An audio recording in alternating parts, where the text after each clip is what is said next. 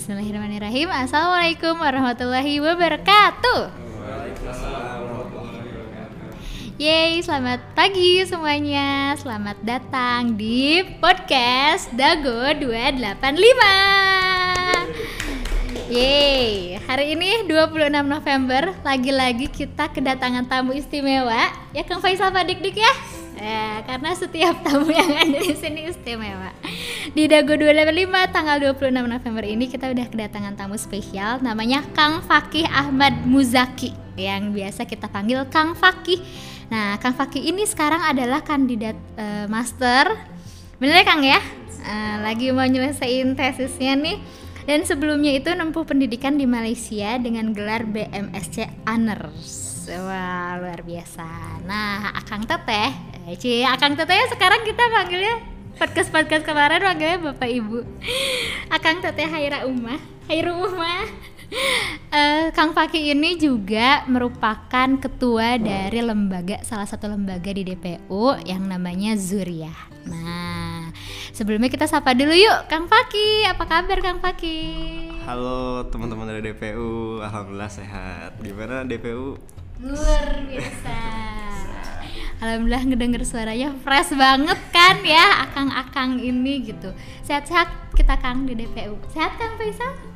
sehat, sehat. Pak Dik Dik sehat? Alhamdulillah. Alhamdulillah nah hari ini Kang pingin bahas-bahas ngobrol-ngobrol nih Kang tentang Zuriah ini jadi buat uh, Akang Teteh Hairu Uma Haira Uma yang belum tahu nih Zuria itu adalah salah satu lembaga di bawah DPU yang banyak bergerak dalam menghasilkan program-program pendidikan anak dan remaja di luar sekolah. Gitu ya Kang ya? Intinya. Formal lebih tepatnya hmm. untuk uh, adik-adik kita lah ya, hmm. usia anak-anak dan remaja adik-adik kita nih khususnya anak dan remaja karena memang anak dan remaja ini masa-masa yang sedang tumbuh-tumbuhnya ya Kang ya sedang menumbuhkan uh, berbagai minat eksplorasi minat menumbuhkan berbanyak keterampilan menumbuhkan kompetensi juga supaya nggak kaget gitu ya di, di menghadapi kehidupan realnya gitu ya ketika belum bekerja itu sebenarnya dipupuknya tuh benar-benar di anak dan remaja ini gitu ya Kang ya. Nah kalau gitu mau langsung cerita aja dong Kang Fakih. Gimana sih sebenarnya uh, Zuriah ini? Apa sih program yang lagi disiapkannya dan ke depannya itu apa gitu yang lagi di ini kan jadi kalau kita bicara tentang Zuriah terutama uh, penempatan visi untuk periode ini adalah kita pengen menjadi wadah non formalnya dalam memaksimalkan potensi anak dan remaja dalam bidang spiritual, kreativitas dan kepemimpinan. Spiritual, kreativitas dan kepemimpinan. Nah, karena kita mema apa tujuan awalnya adalah untuk memaksimalkan potensi, jadi kita membuat sebuah uh, kegiatan yang kita anggap sebagai jalan tol gitu ya, biar kita uh, jadi profit kegiatan-kegiatan yang bisa memaksimalkan potensi anak. Tujuan terbesarnya sih sebenarnya ada apa namanya dua ya. Yang pertama tadi memaksimalkan potensi, yang kedua itu adalah sustainabilitas. Itu yang udah diceritain ke uh, DPU jadi kuncinya memang untuk Azuriah di periode ini adalah bagaimana kita bikin suatu program yang bisa sustain, yang gak cuma satu kali dan udah dilupakan, dan kalau bisa memang yang fundamental. Gitu. Jadi uh, program pertama yang kita ajukan di bulan Desember ini kurang lebih kita uh, sasarannya adalah anak-anak usia dari SD kelas 1 mungkin 7 tahun nih sampai 10 tahun yang paling mendasar dan fundamental ini. Mungkin uh, dia lebih relate dengan apa kondisi psikologi psikologi gitu. Yaitu adalah mengenalkan emosi. Jadi rencananya adalah kita mau bikin uh, series tiga kegiatan. Sebenarnya ya secara tidak langsung itu ini adalah suatu pelatihan tapi mungkin karena anak-anak jadi kita bikin kemas menjadi sesuatu hal yang menarik. Yang pertama adalah kita mau bikin tentang mengenalkan emosi. Uh, beberapa inilah ya nonton permasalahan orang dewasa. Ada orang yang tidak bisa mengungkapkan emosinya gitu ya. Bahkan ada salah satu public figure dia tuh sampai harus uh, mungkin tahu the comment ya? The comment programnya the net dulu. Uh, danang danang dar darto. Mas danang. Nah itu. Ngelihat apa uh, wawancaranya Danang dulu dia tuh sampai harus latihan fisik terus dipukulin badannya biar dia teh mengenal rasa sakit. Nah itu kan satu hal yang sebenarnya terjadi dan terjadi di, di apa di di keseharian kita bahwa orang-orang tuh nggak bisa merasakan satu emosi tertentu. Ada orang yang nggak bisa merasakan rasa sakit dan kalau udah dewasa dia nggak tahu cara mengungkapkannya pelatihannya tuh untuk harus seperti itu gitu. Sesuatu hal yang menurut kita kayak kok sampai harus segitunya? Tapi itu pentingnya uh, seseorang mengenali emosi. Mengenali gimana sih kalau sedih tuh harus gimana sih? Ada orang yang nggak bisa nangis sama sekali gitu ya hatinya tuh kayak udah keras gitu. Nah untuk apa namanya uh, menghindari hal-hal itu sesuatu hal yang fundamental dan sustainable makanya kita bikin uh, series ini. Yang pertamanya itu adalah tadi untuk uh, mengenal emosi. Emosi itu apa aja? Bagaimana gimana cara memacunya? Kita mau bikin dengan beberapa games dan permainan. Salah satunya adalah dengan uh, kita memberikan suatu narasi tentang satu kejadian. Kalau ada kejadian seperti ini apa sih yang nanti adik-adik bakal rasakan? Terus nanti kita lihat visualnya dengan gambar apakah ada perbedaan segala macam. Nah tujuannya memang kita meningkatkan uh, pengenalan terhadap emosi tapi juga meningkatkan empati terhadap sesuatu gitu yang keduanya uh, dari series itu yang pertama tadi mengenalkan emosi yang keduanya mengekspresikan emosi jadi kalau marah tuh gimana sih? Kalau misalnya yang wajar tuh untuk mengungkapkan kemarahan seperti apa, kesedihan seperti apa. Jangan sampai nanti ketika udah remaja putus cinta gitu kan biasanya. Terus galau jadi merasa dunia tuh apa ya pokoknya dia merasa satu hal yang uh, buruk sekali sampai ada mungkin kepikiran jadi bunuh diri segala macam kan. Nah, dengan mengenalkan bagaimana nah, mengekspresikan emosi diharapkan tidak ada luapan emosi yang berlebihan. Yang ketiga ini yang paling menarik namanya meregulasi emosi. Nah ini yang apa namanya uh, kita kenalkan metode-metode gimana caranya tadi setelah kita bisa mengekspresikan kita kita bikin nih constraint-constraintnya dari emosi biar nggak biar nggak berlebihan juga gitu kurang lebih berikut berikutnya mungkin kalau program-program Zuriah seperti yang udah ada di Darul pesantren Ramadan atau pesantren masa liburan yang bakal kami teruskan tapi karena kondisi sekarang kurang memungkinkan untuk membuat uh, pesantren masa liburan di bulan Desember ini jadi kemungkinan sih baru akan jalan di bulan Juli. Luar biasa banget ya Kang. Tuh ngedengar cara pandang Kang Faki terhadap anak itu terhadap anak dan remaja aku setuju banget sih Kang sebagai mungkin uh, orang yang uh, ini ya apa namanya banyak ngedalemin anak juga gitu ya di uh, kuliah. Kayak karena ini adalah apa ma, pendidikan luar sekolah di mana kalau di sekolah itu anak itu lebih kayak ke uh, tuntutan akademik gitu ya tuntutan pencapaian peraihan.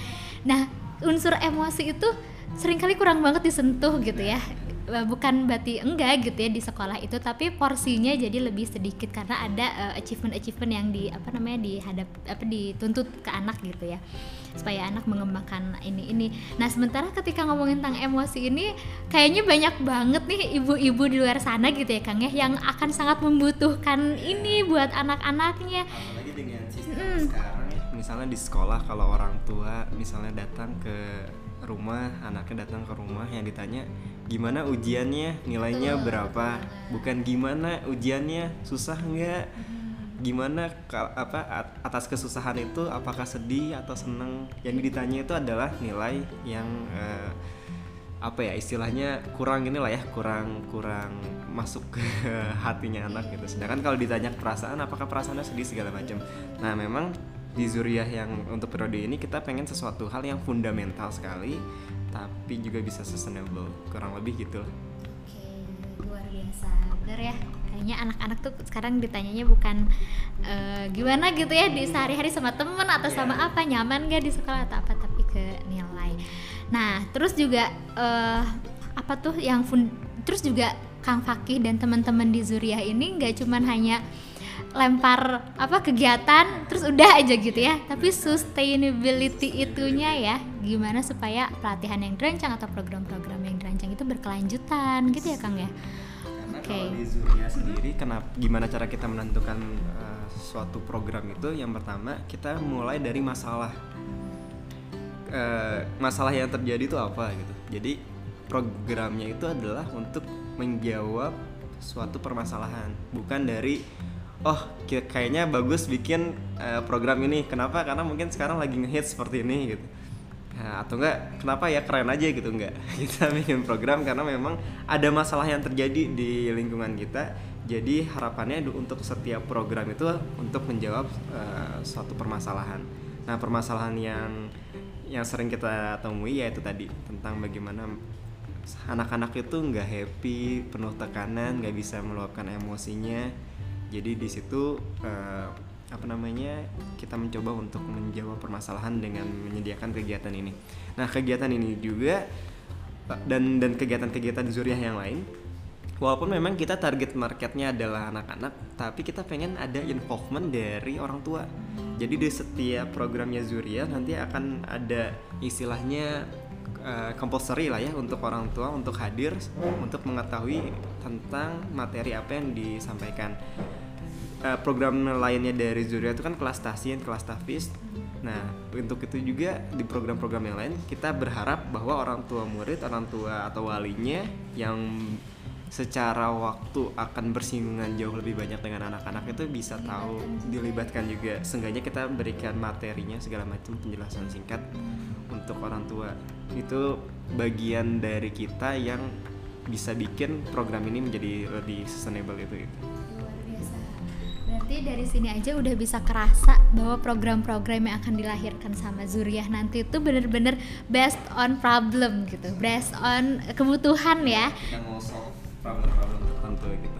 Iya betul luar biasa nggak cuma hanya lagi hits ini kemudian ini lagi hits ini kemudian apa Kang Faisal ada yang mau ditanyain nggak Oke, eh, makasih Kak Fakih tadi udah bercerita tentang Zuriah ya. Saya hmm, penasaran sama beberapa hal aja gitu. Yang pertama tentang eh, apa ya kan tadi punya kondisi ideal yang ingin dicapai. Terus eh, bener banget ya kalau start with why ya udah jadi kayak lebih enak aja gitu ya masalah-masalah yang ada juga eh, lebih spesifik gerakannya ke arah sasaran lebih ya? tepat sasaran betul betul. Nah yang saya tanyakan adalah eh Kang Fakih membayangkan Zuriah ini seperti apa sih idealnya entah kan tadi kan masa eh, apa bicara tentang masalahnya atau konsep-konsepnya gitu. Nah kalau dari segi apa ya realnya menjadi lembaga yang seperti apa, cakupannya seperti apa, programnya seperti apa, eh, mimpi Kang Fakih kayak gimana sih gitu di Zuriah ini? Karena eh, tadi tujuannya adalah sesuatu hal yang fundamental dan sustainability, jadi memang harapannya Zuriah ini menjadi eh, wadah yang bisa dipakai untuk eh, jangka waktu yang lama sebagai lembaga. Dalam artian mungkin yang akan menjabat sebagai ketua Zuriah akan berganti gitu ya seiring berjalannya waktu. Tapi kalau seandainya lembaganya yang dibentuk sebagai suatu lembaga, jadi harapannya ini juga program-programnya bukan program-program yang eh, apa namanya sekali habis gitu. Jadi harapannya nanti ini akan bisa diguna- digunakan untuk periode-periode berikutnya juga. Nah, eh, walaupun memang nanti akan ada juga program-program yang sifatnya tidak fundamental karena ya itu tadi ketika kita memulai sesuatu hal dari permasalahan yang ada jangan sampai nanti permasalahan ini bisa apa berulang gitu ya. Jadi harapannya adalah kita menjawab uh, masalah permasalahan yang ada di masyarakat. Jadi Zuriah ini adalah suatu uh, lembaga yang bisa menjawab permasalahan di masyarakat. Nah, itu permasalahannya adalah jangan sampai masalahnya itu itu, aja gitu. Jadi kalau bisa kita memang em, memberikan dampaknya tuh secara luas, secara masif sehingga permasalahan itu udah nggak ada lagi. Jadi kita bisa yuk kita lanjut ke permasalahan yang lain gitu. Jadi harapannya eh, Zuria sebagai lembaga yang bisa menjawab permasalahan permasalahan masyarakat, tapi juga langsung menyelesaikan permasalahan itu seenggaknya untuk di lingkungan yang yang ada. Karena katanya kalau kata John F. Kennedy kan "Chil- children are the living message we send to a time we will not see. Ya jadi kita kita nggak tahu nih umur kita sampai kapan kita nggak tahu eh, ya usia kita sampai kapan tapi seenggaknya kita bisa mengasih suatu pesan ke masa depan dengan cara memberikan pendidikan atau memberikan eh, sesuatu ke anak-anak. Gitu kurang lebih. Eh, supaya nggak masalahnya itu nggak berulang tapi justru terselesaikan dan kemudian muncul masalah baru ada solusi ini baru Iya, saya jadi ingat sebuah quotes nih. Iya, Fall in love with the problem, not the solution. Kan tadi kan ngomonginnya masalah dan masalah dan permasalahan itu yang jadi tolak ukur ya gimana pergerakannya nanti. Nah, eh jadi penasaran lagi untuk Zuriyah kali ini ya yang existing sekarang gitu ya. Masalah apa sih yang sedang difokuskan, yang sedang dicintai lah kalau merujuk ke ini ya ke ke quotes ini.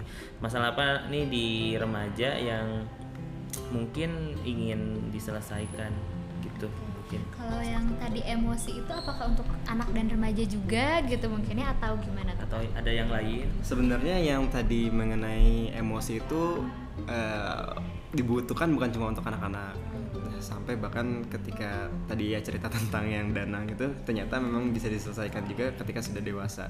Cuma memang ketika kalau kita pengen menyelesaikan itu ketika sudah dewasa jadinya menjadi sesuatu hal yang lebih berat gitu. Sedangkan ketika kita mencoba untuk eh, meraih pasarnya untuk anak-anak, kita bisa membentuk daripada istilahnya lebih baik eh, apa namanya mencegah daripada mengobati gitu. Nah, eh, jadi kalau ditanya apa tentang itu memang sebenarnya ini untuk lebih menspesifikasi target kita aja. Karena nanti pada akhirnya memang harapannya ini bisa dipakai juga untuk semua kategori umur. Tapi untuk eh, program yang saat ini di Desember ini rencananya memang untuk untuknya anak dulu masalah emosi itu kan. masalah emosi, masalah hal-hal yang fundamental. Sebenarnya ke- eh, balik lagi ke visinya Zuriah tadi eh, Kang Faisal bahwa visinya kan untuk memaksimalkan potensi anak dan remaja. Jadi sebenarnya esensialnya gitu. Cuma ketika kemarin kita memetakan gimana cara untuk memaksimalkan potensi anak tuh kan caranya dengan seorang anak itu mengenali tentang dirinya sendiri. Ketika kita bicara tentang eh, mengenali diri kita sendiri, gimana caranya adalah eh, kita harus tahu nih apa aja yang ada dalam diri dan yang ada di dalam diri yang paling esensial adalah emosi. gitu. Jadi eh, runtutan cara berpikirnya seperti itu. Ketika kita punya visi untuk memaksimalkan potensi, gimana caranya untuk memaksimalkan potensi? Kita harus punya eh, mengenali mengenali tentang diri sendiri. Nah, gimana caranya untuk mengenali diri sendiri? Yang pertama harus kita tahu adalah potensi. gitu. Eh sorry, emosi, emosi. Aku jadi mau tanya. Iya. Dulu boleh. Aku dulu. Iya, iya, Ya udah deh, enggak apa-apa Kang Faisal dulu. Ah, iya, Habiskan. iya, habiskan ya. Yes, eh, bagaimana kan tadi perunutannya udah jelas gitu ya sih harus berpikirnya. Nah, bagaimana sih emosi ini menjadi tolak ukur dia mengenal diri lalu mengenal potensinya? Itu aja sih. Sebenarnya eh, ini apa namanya yang paling sederhana ya. Ketika kita mengenali potensi diri, eh, satu ini ya yang yang saya selalu pegang suatu konsep namanya konsep ikigai. Di konsep ikigai itu ada empat hal, tapi ada dua hal doang yang sebenarnya eh, berkaitan tentang diri sendiri. Yang pertama adalah apa yang kita cintai dan apa yang kita bisa lakukan dan apa yang kita bagus dalam apa eh, Oh ya, what I'm, we are really really good at gitu ya. Jadi kita bagusnya tuh di bidang apa? Yang pertama adalah apa yang kita sukai. Nah, dengan biasnya eh, sistem pendidikan yang sekarang ada di Indonesia gitu ya, anak tuh kadang jadi nggak tahu sebenarnya apa yang mereka cintai. Permasalahan terbesar adalah ditemuin ketika anak-anak SMA mau melanjutkan ke kuliah gitu ya, di mana mereka sudah harus apa, memilih satu jalan yang spesifik. Mereka tuh sebenarnya nggak tahu kenapa, karena mereka nggak kenal sama dirinya sendiri. Dan kenapa emosi menjadi esensial? Perasaan senang, perasaan gembira ketika melakukan sesuatu itu harus ditumbuhkan. Kalau kita nggak tahu kita senangnya apa, kita bahagianya apa, kita nggak bakal mengenal potensi diri, kita nggak bakal mengenal jalan apa yang mau kita tuju nah itu uh, esensialnya uh, sebuah emosi dan kenapa kita pengen itu menjadi program yang utama karena anak-anak harus tahu dulu nih seneng teh apa sih gitu gimana uh, apa yang membuat mereka seneng? Terus bagaimana cara apa namanya uh, ber apa namanya ya mengakumulasikan rasa senangnya itu dalam bentuk seperti apa gitu. Nah salah satunya adalah dengan mengenali potensi diri. Oh ternyata saya sukanya ini. Berarti hal yang harus saya lakukan adalah memperdalam ilmu itu karena ya saya menjalaninya senang. Itu esensialnya. terakhir, terakhir ya. Jangan berantem ya terakhir terakhir bagaimana teknis uh, kan tadi kan sebenarnya ke ininya latar belakang why dan segala macam. Bagaimana teknis uh, Zuriyah ini? Tadi menarik sih memang ya. Kita mengenal diri itu per, uh, minimal kita tahu mana yang gue banget mana yang enggak. Mana yang uh, kita senangi jalani mana yang enggak. Dan emang semuanya balik ke emosi ke perasaan gitu. Saya nulis senang oh berarti di sini nih. Uh, terus maksimal bagus ya gitu kan uh, saya uh, apa berkomunikasi senang segala macam. Itu mungkin ke rasa senang itu yang mungkin digali. Nah gimana secara teknis Zuriyah itu menggali dan memunculkan rasa senang itu atau emosi tersebut uh, sehingga orang tersebut atau anak tersebut bisa mengenal dirinya? Terakhir ya ya. Udah lagi deh. Secara ini sih sebenarnya kalau dari apa namanya ke keahlian mungkin kita akan banyak-banyak apa namanya kolaborasi juga. Yang pertama kita bakal kolaborasi tentunya dengan lembaga lain di dalam DPU yaitu Tazaka yang mungkin lebih paham mengenai psikologi anak gitu ya. Yang kedua kita juga akan berkolaborasi dengan namanya komunitas teman berbagi mereka udah punya concern seperti itu tapi uh, mungkin akses terhadap uh, target market mereka juga mungkin ada sedikit hambatan sehingga potensi-potensi kolaborasi ini akan menjadi lebih baik gitu ya. Tapi kalau secara kurang lebih gambaran yang udah kita apa namanya yang kita lakukan adalah yang pertama untuk melatihnya adalah melewat sebuah narasi. Jadi kita bikin suatu cerita ntar apa yang dirasakan segala macam. Terus nanti ketika narasinya kita tambah dengan gambar apakah merubah emosi dari seorang anak ketika narasi yang tadi ditambahkan dengan suara apakah ada perubahan? Nah itu cara untuk melatih atau memperkenalkan emosi.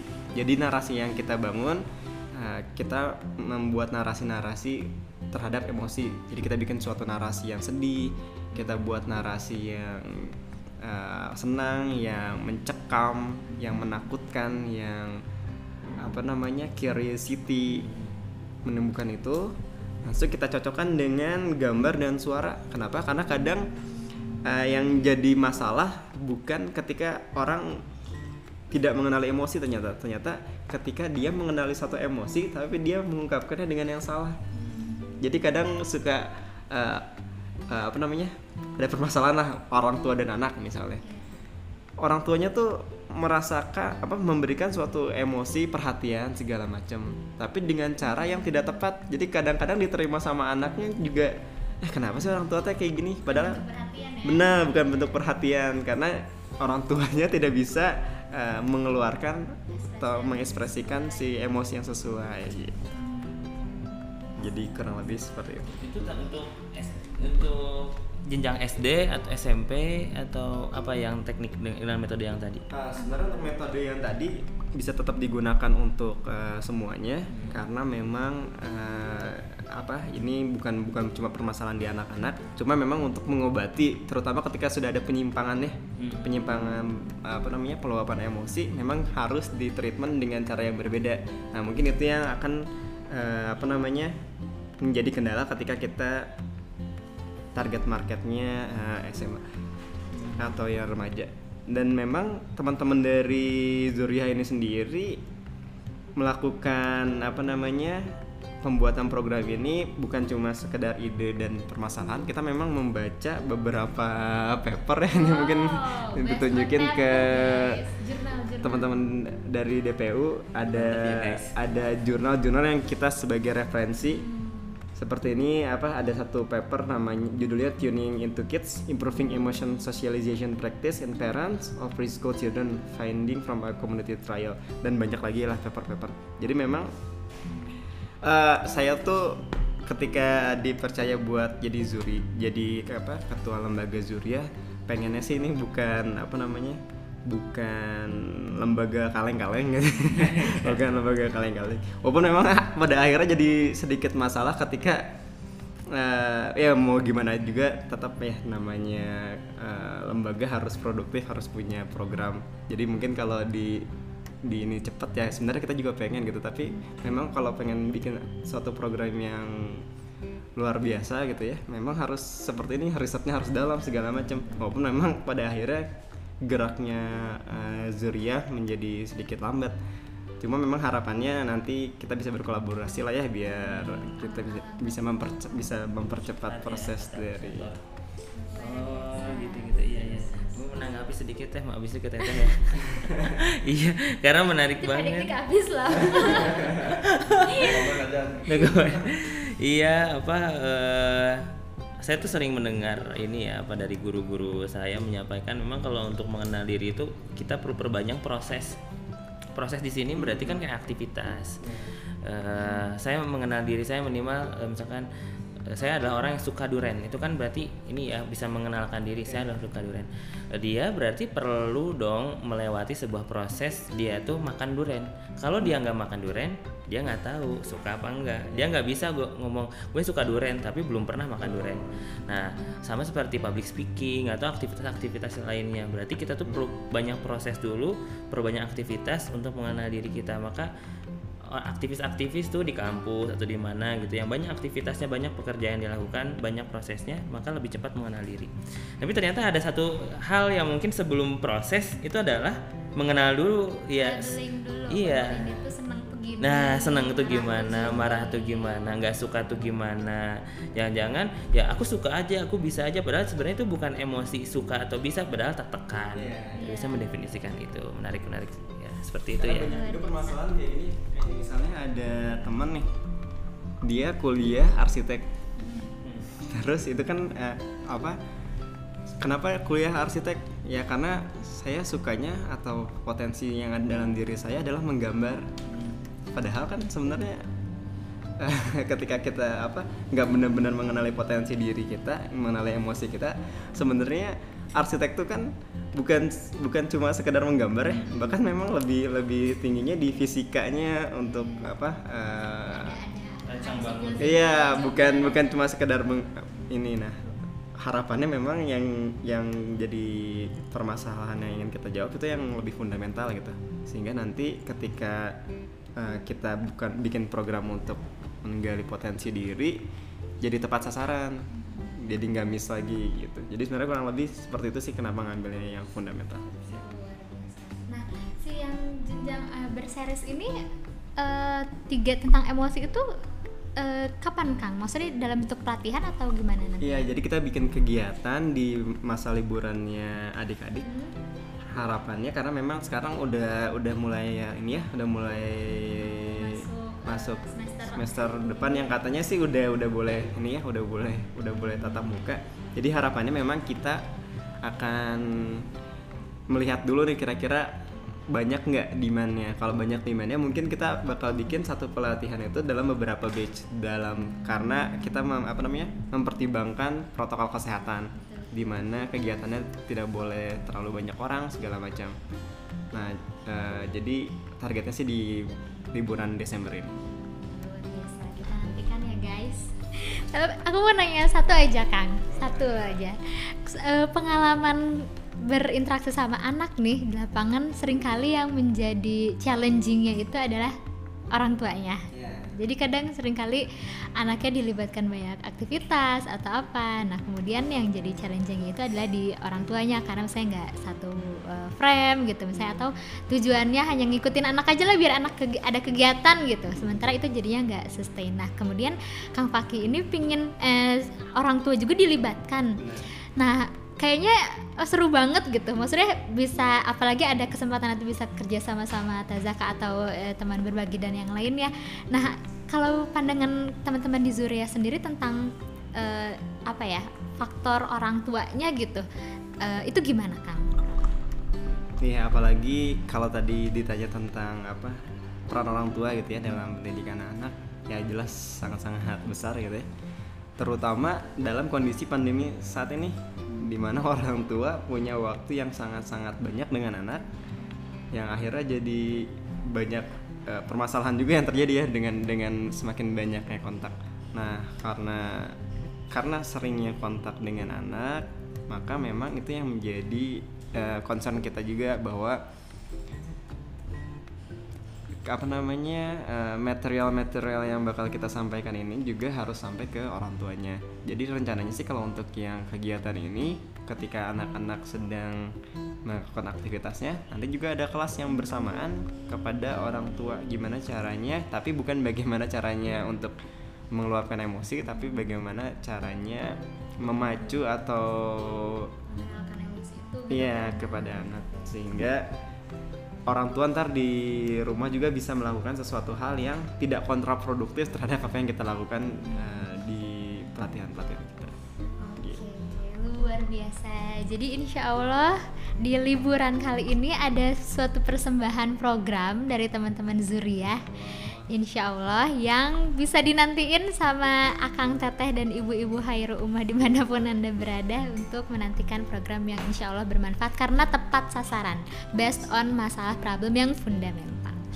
Luar biasa. Ada lagi Kak Pak Dik Dik atau Kang boleh. Faisal? Apa nih yang terdekat dari Zuriyah program mungkin bisa di announce ya teman-teman di sini juga mungkin mau pada ikutan atau ibu-ibu bapak-bapak yang punya anak mungkin mau ikutan juga. Tadi eh, kita benar-benar eh, apa ya membahas tentang konsep, membahas tentang segala macam ya. Mungkin penasaran nanti teknisnya seperti apa pengen ikutan mungkin eh, eh, Kang Fakih boleh ceritain. Ada dua sebenarnya program terdekatnya Zuria yang eh, yang pertama tadi yang disebutin tentang kita nyebutnya belum belum belum punya judul yang bagus sih tapi istilahnya trilogi ini ya trilogi eh, kegiatan yang akan saling berkaitan pengenalan emosi terus tadi mengekspresikan emosi sama yang tadi regulasi emosi itu dalam satu kegiatan.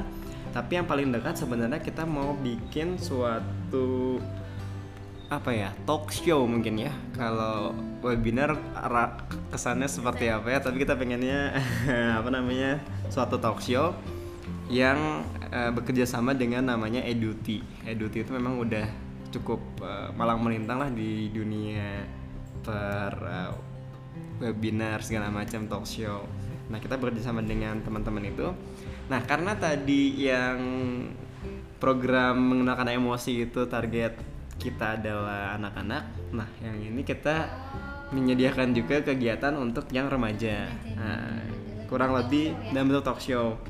Metodenya jadi nanti eh, moderator dan eh, pembicaranya akan ada di satu ruangan sehingga webinarnya bukan cuma sekedar webinar di tempat yang berbeda untuk untuk melakukan apa namanya suatu proses talk tapi nanti kita akan menyediakan satu tempat buat para pembicara dengan moderator sehingga bisa lebih interaktif ya. Eh, insya Allah untuk untuk rencananya pembicaranya ada dua orang. Yang pertama itu namanya Royan Azaki. Dia adalah presiden mahasiswanya ITB tahun 2015 dengan seorang penulis namanya Kartini F Astuti. Nah, dengan uh, konsep talk show nanti jadi teman-teman bisa melihatnya jauh lebih menarik sekaligus juga membuat kegiatan nih buat teman-teman uh, SMA, remaja, apa SMP atau kuliah buat mendapatkan kegiatan menarik Zuriah juga gitu.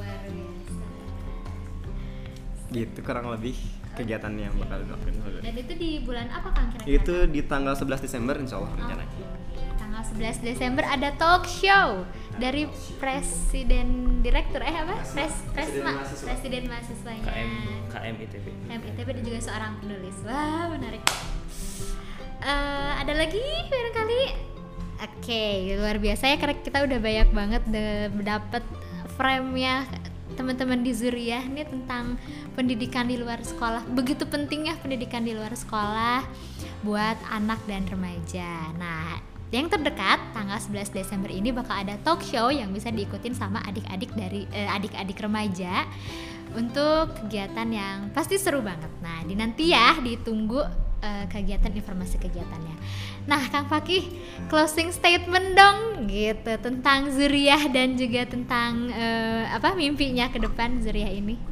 Iya, buat uh, semua yang kira-kira bisa terlibat dengan program Zuriah, kami adalah suatu lembaga di bawah DPU yang punya concern tentang anak dan seperti yang tadi sudah disampaikan ya, memang kita mau bikin program yang bukan kaleng-kaleng misalnya. Jadi harapan kami adalah kami bisa menjawab permasalahan yang terjadi di masyarakat apa pun itu terkait anak dan remaja sehingga bisa bermanfaat untuk umat. Jadi ditunggu program-program kami insya Allah akan menjadi menarik, dikemas secara menarik dan juga bermanfaat buat semuanya baik untuk anak-anaknya tapi juga eh, untuk orang tuanya. Jadi ditunggu aja program-program dari kami ya semoga bisa terlibat bareng-bareng kita. Luar biasa. Sip, kalau gitu kita tunggu ya Kang Faki dan teman-teman di Zuriah ya buat program-programnya supaya boom kita bisa eh, eksplor ke berbagai anak remaja. Oke deh teman-teman Haira Umah, terima kasih banyak untuk waktunya udah dengerin podcast Dago 285. Kita ketemu lagi di lain kesempatan dengan tamu-tamu yang lebih spesial dan juga eh, cerita-cerita dari lembaga dan juga eh, hal yang lebih menarik. Eh, kita tutup aja ya dengan sama-sama baca hamdalah alhamdulillahirobbilalamin wabillahi taufiq hidayah assalamualaikum warahmatullahi wabarakatuh DPU Yes, yes, yes. yes. Dari Kam Balasan.